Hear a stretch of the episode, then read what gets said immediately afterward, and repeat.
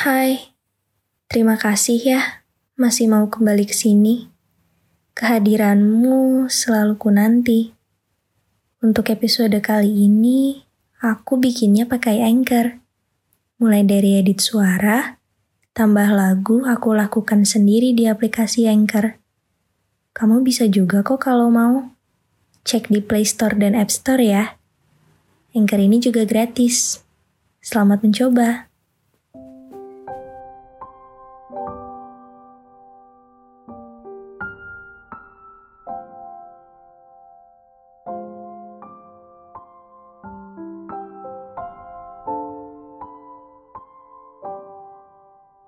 Ketika dia menolakmu, kamu diperbolehkan untuk tidak baik-baik aja.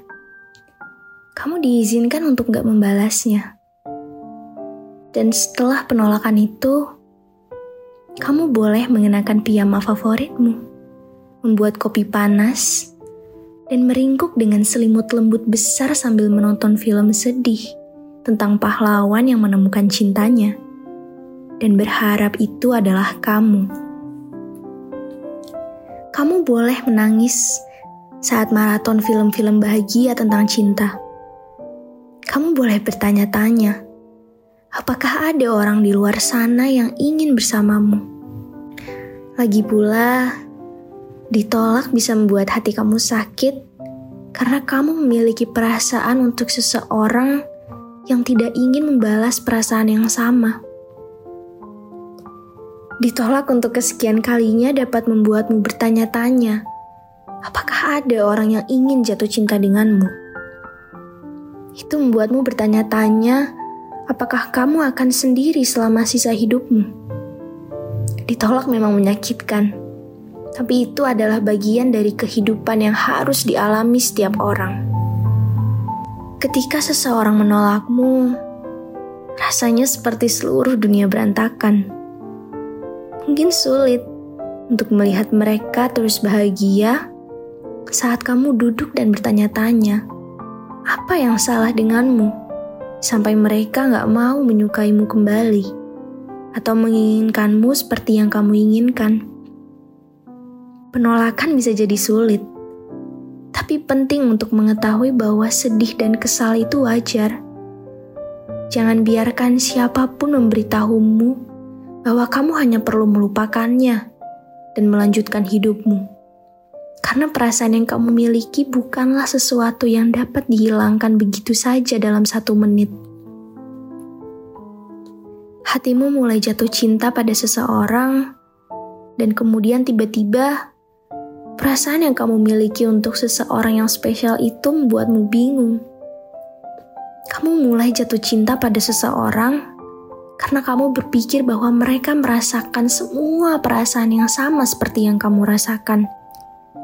Pahamilah bahwa kamu tidak berhutang apa pun padanya. Kamu tidak berhutang jawaban padanya setelah ia memberitahumu bahwa ia tidak menginginkanmu.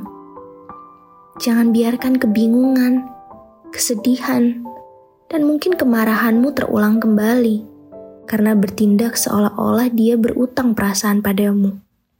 Maaf, tapi bisakah aku minta waktumu sebentar? Aku mau mengabarkan bahwa podcast yang kamu dengar ini, aku buat di Anchor loh.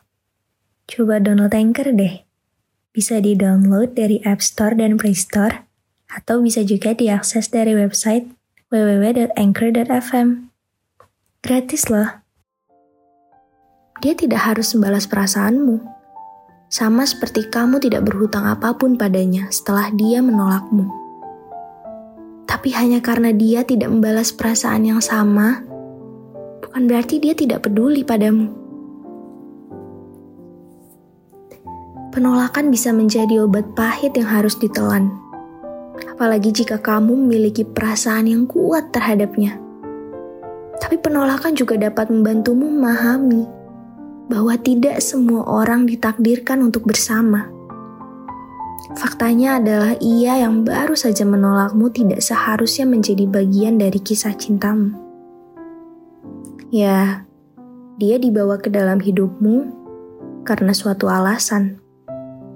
Dia memang menjadi bagian dari ceritamu. Lagi pula, dia tiba-tiba muncul dalam hidupmu. Mungkin saat kamu paling membutuhkannya. Atau mungkin suatu hari, dia ada di sana. Kamu menyukainya karena dia orang baru. Dia adalah seseorang yang bisa membuatmu tersenyum. Dia adalah seseorang yang membuat seluruh ruangan terasa tidak lagi kosong. Dia ada di sana ketika kamu membutuhkan seseorang untuk diajak bicara tentang tugas di kelasmu. Dia ada di sana ketika yang ingin kamu lakukan hanyalah berbicara dengan seseorang, sehingga kebosanan akan terhenti. Tapi dia tidak selalu ada. Dia ada untukmu sebagai teman. Itu adalah bagian dari alasanmu mulai jatuh cinta padanya lebih dari sekedar cara yang ramah. Tapi jangan biarkan persahabatan itu hilang hanya karena dia tidak membalas perasaan yang sama. Karena dia selalu menjadi teman yang baik bagimu. Dan itulah mengapa kamu menyukainya. Itu sebabnya kamu mengizinkannya masuk ke dalam hidupmu. Dan inilah mengapa ya mungkin penolakan kamu menyakitkan saat ini tapi itu akan mulai berkurang rasa sakitnya saat kamu terus menjalani hidupmu dengan atau tanpa dia di dalamnya. Dia cukup peduli padamu untuk mengatakan yang sebenarnya, dan mungkin kamu terluka sekarang, tapi kamu harus memberinya pujian. Dia tidak menuntutmu, dia mengatakan yang sebenarnya. Penolakan memang menyakitkan tapi itu adalah bagian dari kehidupan. Jadi nggak apa-apa untuk merasakan apa pun yang kamu rasakan saat ini.